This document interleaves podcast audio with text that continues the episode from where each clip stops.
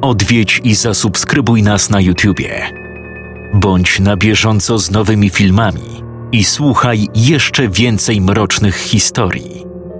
Mystery TV Więcej niż strach.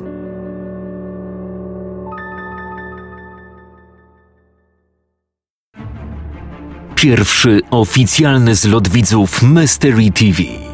Sobota, 30 lipca, sala widowiskowa Bielańskiego Ośrodka Kultury w Warszawie. Początek imprezy o godzinie 13. Szczegółowy program wydarzenia oraz bilety znajdziesz na www.mysterytv.pl.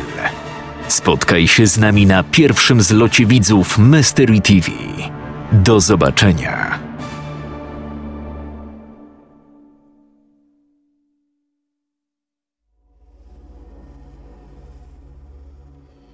Stary Joe odłożył gitarę i wsadził sobie do ust resztki pajdy chleba. Żuł długo czerstwą kromkę, starając sobie wyobrazić, jak smaczna byłaby, gdyby zachowała choć odrobinę świeżości. Ostatni bochenek. Dziś jest dzień, w którym skończył się chleb, a co za tym idzie, powoli będzie kończyło się ich życie. I tak przetrwali dłużej niż większość ludzkości. Dorobili się nawet kilkoro dzieci. Biedne pociechy, które błękitne niebo i zieloną trawę znają jedynie z opowiadań starszych. Żyli w tym bunkrze już przeszło dziesięć lat. Szesnaścioro szczęśliwców, którzy uciekli przed zagładą i znaleźli schronienie w tej metalowej puszce. Dziś w domu, jak nazywają mieszkańcy tę metalowo-ołowianą konserwę, żyją, czy może raczej wegetują 23 osoby. Stary Joe wraz z trójką ocalałych odnalazł bunkier siedem miesięcy po upadku. Nieco później dom stał się świadkiem narodzin trójki dzieci. Wybrańcy Boży. Tak o sobie mówili. Joe był jedynym, który wiedział, jak bardzo się mylą. Patrzył na tych wszystkich przerażonych ludzi. Tradycją było, że w porze obiadowej spotykali się w jadalni i przy dużym stole jedli racjonowaną żywność.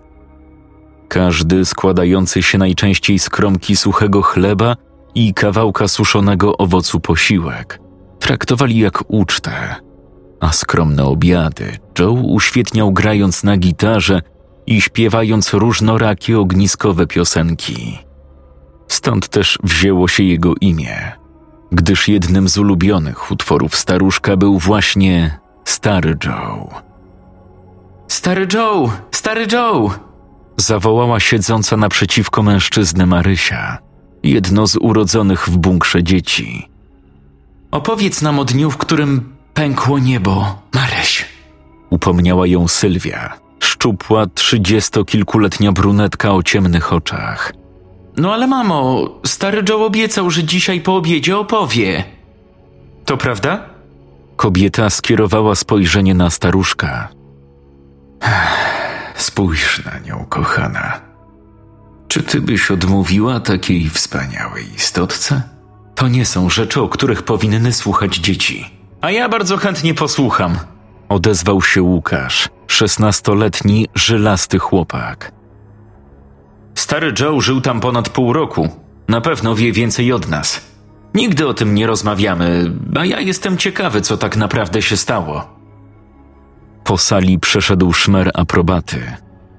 Nikt z nich tak naprawdę nie wiedział, co się stało. Wszystkich obudziły nad ranem syreny alarmowe. Kto mógł i wiedział gdzie, uciekł do bunkra. Nikt nie miał pojęcia, co działo się na zewnątrz. Bali się wyjść. Żadne z nich nie wiedziało, co czeka za ciężkimi, ołowianymi drzwiami schronienia. Masz rację, Sylwuś. To, co zaraz opowiem, nie jest przeznaczone dla dziecięcych uszu.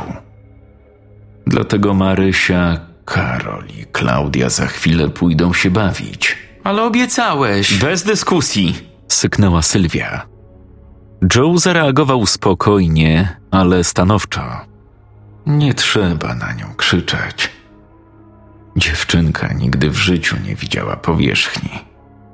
Nie wie, czym jest zapach skoszonej trawy, samochód czy ciepły letni deszcz. Ma prawo być ciekawa. Nie miała beztroskiego dzieciństwa.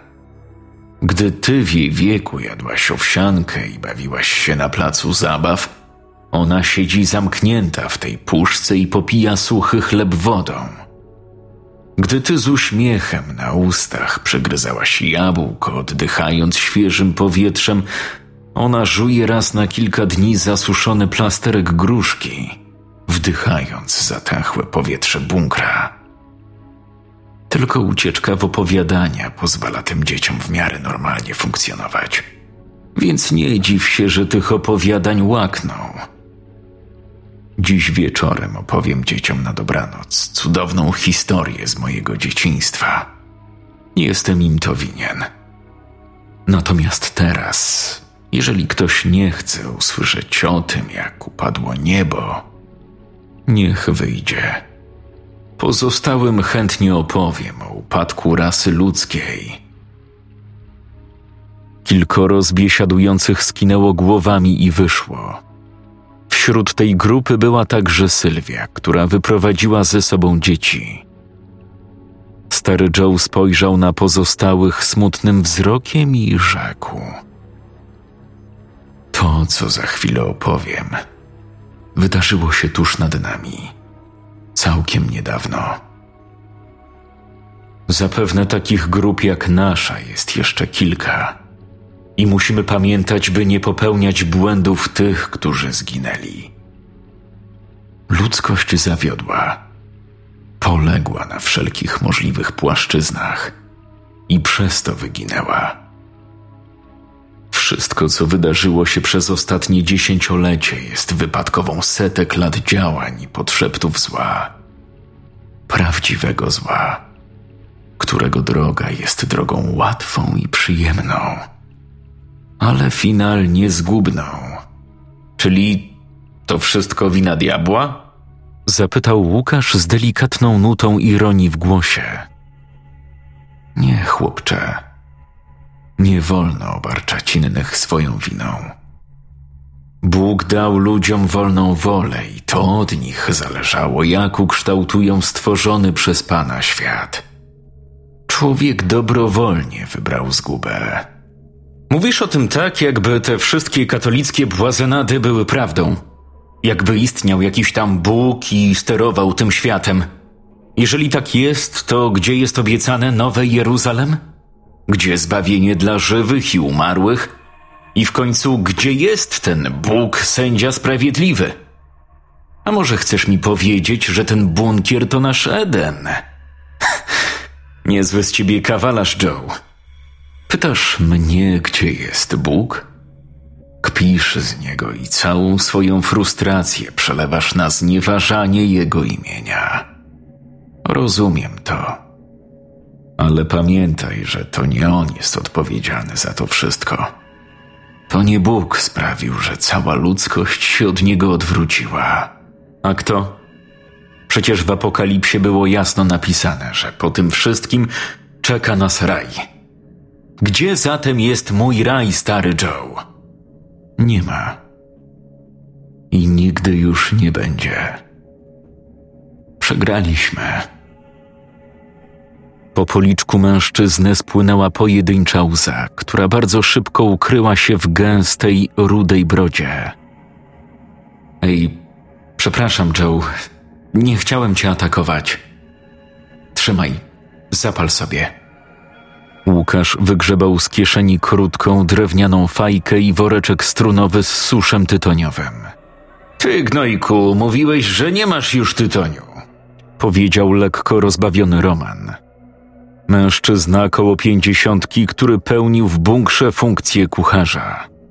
Zostawiłem na specjalną okazję, a nigdy nie widziałem, żeby stary Joe płakał, więc uznałem, że się przyda. Przepraszam powiedział Joe, zaciągając się dymem. Po prostu, gdy wróciłem myślami do początku, coś we mnie pękło. Do początku? Nie jestem wam to winien.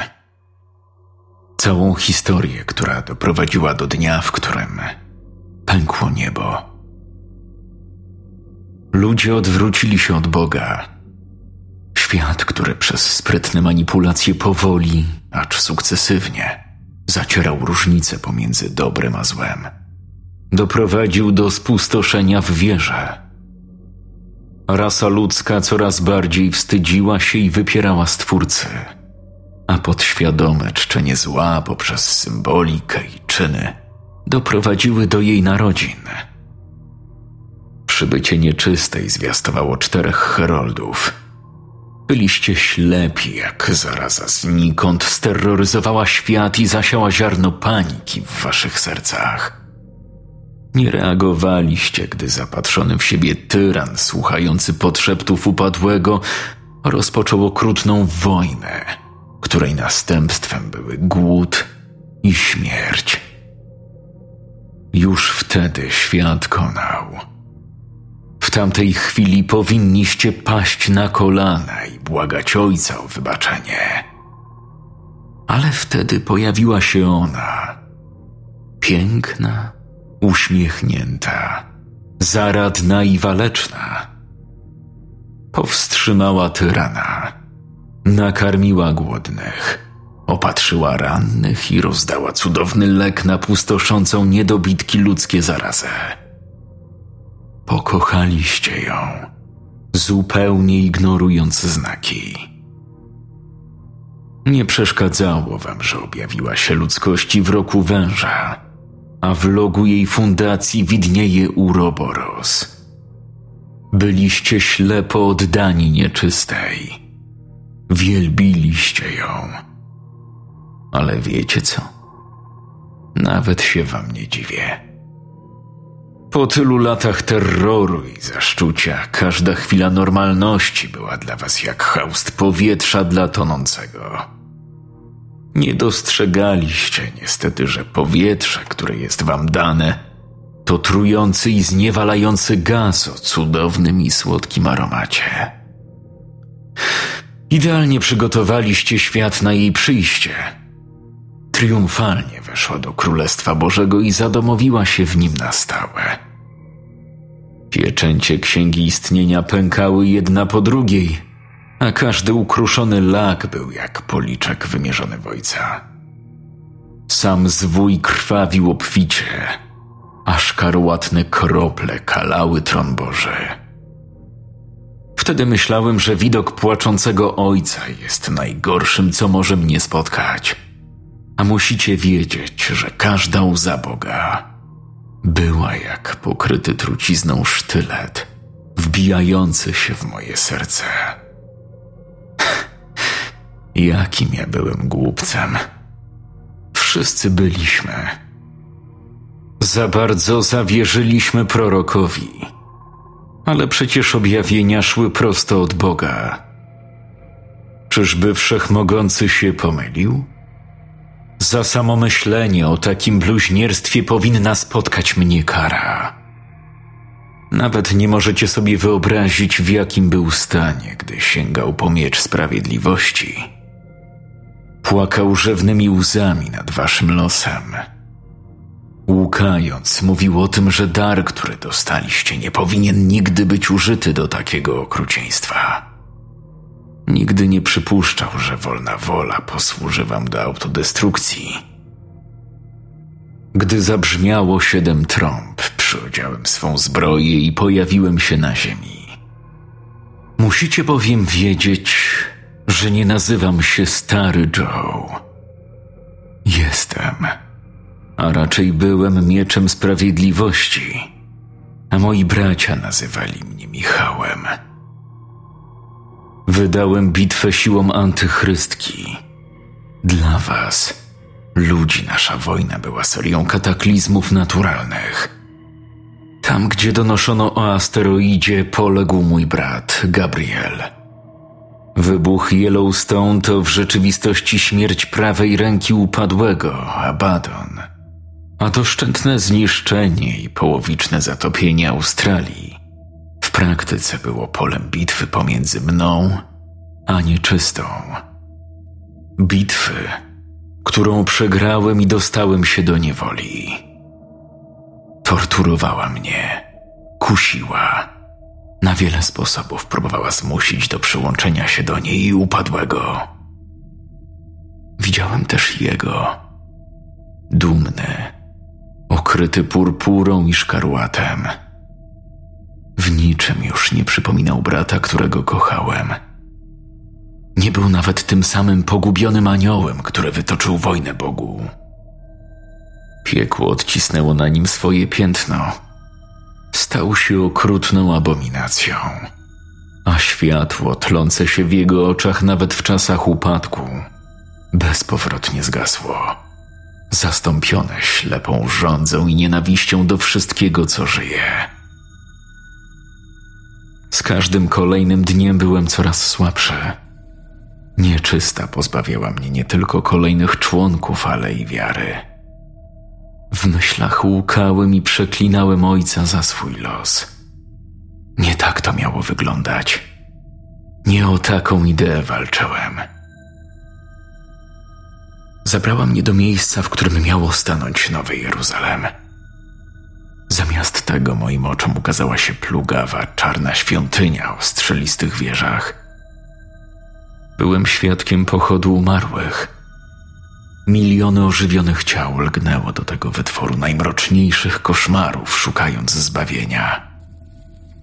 Był to widok mrożący krew w żyłach. Te abominacje będące niegdyś ludźmi, mające marzenia o rodzinę, plany, człapały pokracznie w kierunku swej zguby, albowiem z ręki nieczystej tylko to mogło ich wszystkich czekać. Każdy żywy trup strącany był do piekielnych czeluści.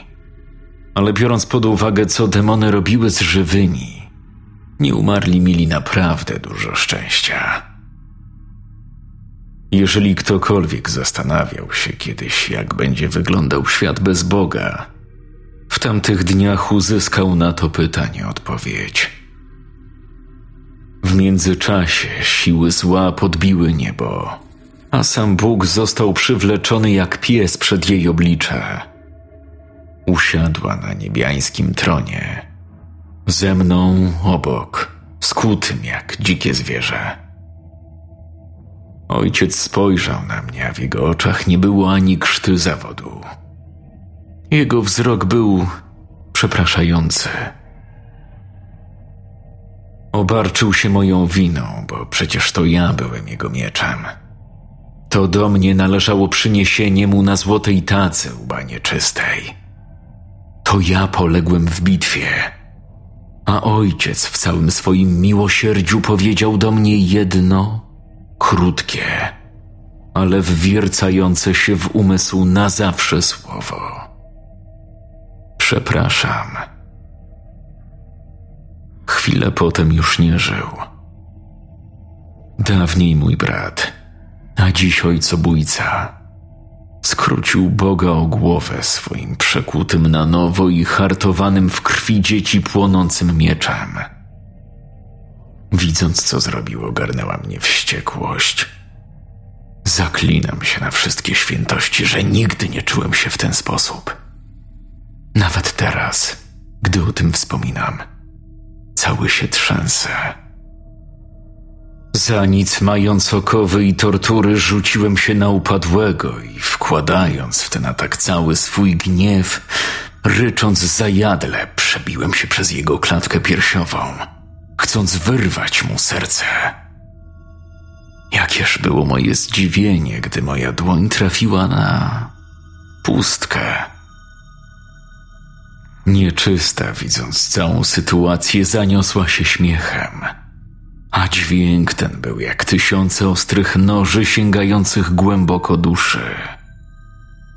Upadły uśmiechnął się pobłażliwie i gdy już pogodzony ze swoim losem opuściłem głowę, czekając na śmierć. Plugawy zgotował mi los dużo gorszy od śmierci. Oprócił mnie gwałtownie, po czym łamał i wyrwał skrzydła. Ból był okrutny.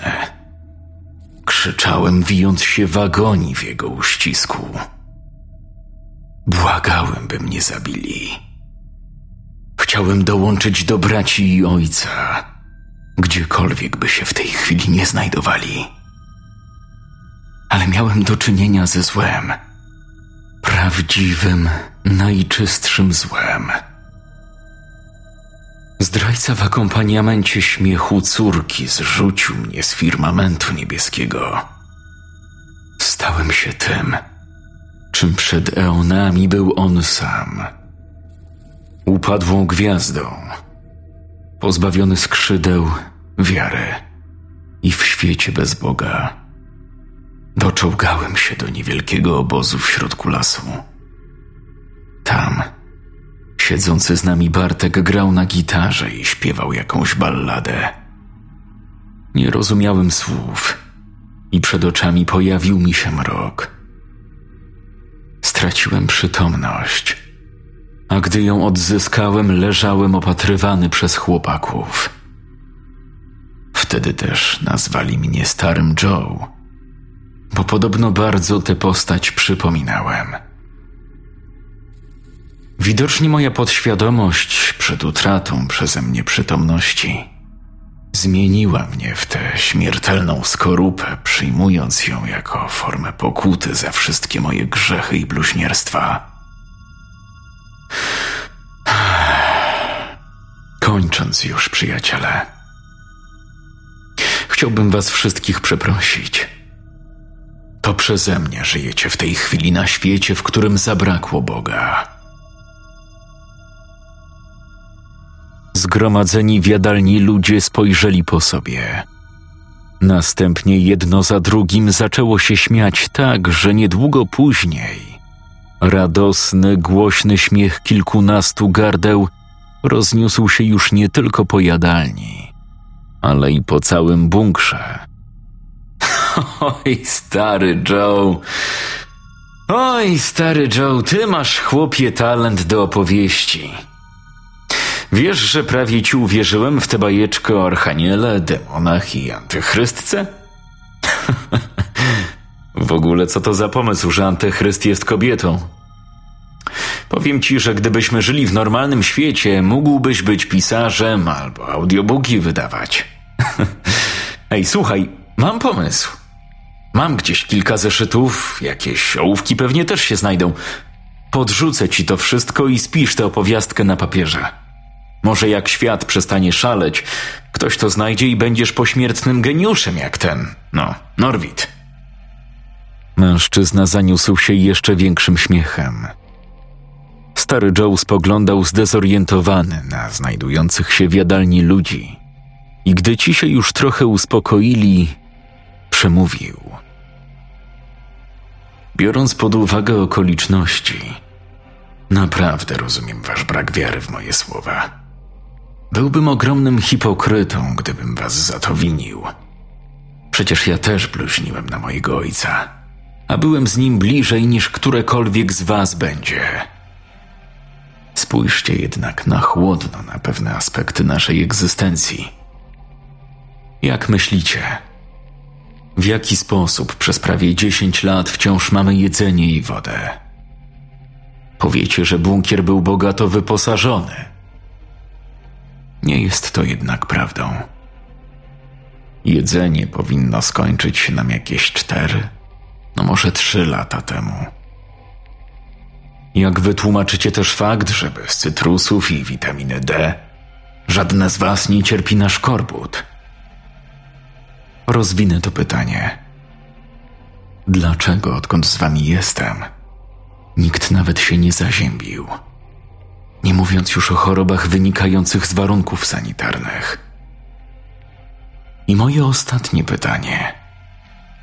Jak wytłumaczycie, że przez te dziesięć lat nie postarzałem się nawet o jeden dzień? W tej chwili jestem cieniem samego siebie, ale resztki mocy, które mi zostały, przeznaczam na to, byście mogli tutaj żyć w jako takich warunkach Z własnej woli zostałem waszą baterią. I choć moje siły są już na wyczerpaniu, przysięgam wam, że do ostatniego tchu będę walczył o względnie dobry byt was wszystkich. Zebrani w jadalni ludzie milczeli. Każdy przetwarzał w myślach słowa starego Joe. Nie byli głupi, a staruszek właśnie odsłonił im wszystkim kulisy ich życia. Miał rację. W bunkrze nikt nie chorował. Wciąż mieli jedzenie, które może nie było świeże, ale na pewno nie zepsute. A sam stary Joe przez dziesięć lat ani trochę się nie postarzał. Nie stracił nic ze swojej krzepy, a kondycyjnie był lepszy od nich wszystkich razem wziętych. Ciszę przerwał Bartek, krępy trzydziestolatek o krótkich, czarnych włosach. On. On chyba mówi prawdę. Wtedy, gdy go znaleźliśmy, ja naprawdę śpiewałem starego Joe. A chwilę przed jego pojawieniem się Coś okrutnie głośno huknęło nieopodal. Myśmy się tym wtedy nie przejęli. Tam na zewnątrz co chwila coś spada z nieba. A ta cała historia o kobiecie. Ona sama, jak jeszcze telewizja działała, stanęła na progu trzeciej świątyni i powiedziała, że jest córką Lucyfera. I od teraz to on jest jedynym słusznym Bogiem Wy mogliście tego nie widzieć. Pewnie byliście już wtedy w bunkrze, ale ja, Romek i Sylwia widzieliśmy. Od tamtego momentu było coraz gorzej. Te walki, te zniszczenia. Myśleliśmy, że to klimat, ale teraz. Wybacz nam, panie, nasz brak wiary. Mężczyzna, mówiąc ostatnie słowa, uklęknął. Chwilę później wszyscy już klęczeli a wokół starego Joe pojawiła się delikatna, błękitna poświata. Nie, nie. Przestańcie. Sprowadzicie na nas zgubę. Wstańcie! Stary Joe spanikował, próbując podnieść klęczących najbliżej. Bezskutecznie. Wszyscy modlili się do niego. Czuł to Każde słowo modlitwy wzmacniało go, a skoro on to czuł. Brawo. Brawo, bravissimo. Wspaniała historia, Michale. Szkoda tylko, że przedstawia mnie w tak negatywnym świetle. Do jadalni weszła kobieta. Piękna, z sięgającymi do lędźwi zakręconymi rudymi włosami. Chodzi ci o mnie, prawda? Błagam cię, zostaw ich w spokoju, to dobrzy ludzie. Weź mnie. Zrób ze mną co chcesz, ale ich zostaw w spokoju. Oni ci nic nie zrobili. Oni nawet nie wierzą w Boga. O, doprawdy? A przed chwilą tak żarliwie się do ciebie modlili. A czy będą się modlić też do mnie? Róbcie co każe. Oj, słodziaku, przecież wiesz, że tak to nie działa. Modlitwa musi być szczera. Stryknęła palcami, a wszyscy znajdujący się w pomieszczeniu ludzie zaczęli płonąć. Dlaczego? Ty abominacjo, dlaczego? Archanioł Michał padł na kolana i zaniósł się płaczem. Właśnie dlatego. Chciałam, abyś przede mną klęknął. Mówiąc to, kobieta podeszła do starego Joe i wyrwała mu z piersi wciąż bijące serce. Ostatnim, co poczuł mężczyzna przed zapadnięciem mroku, była delikatna morska bryza.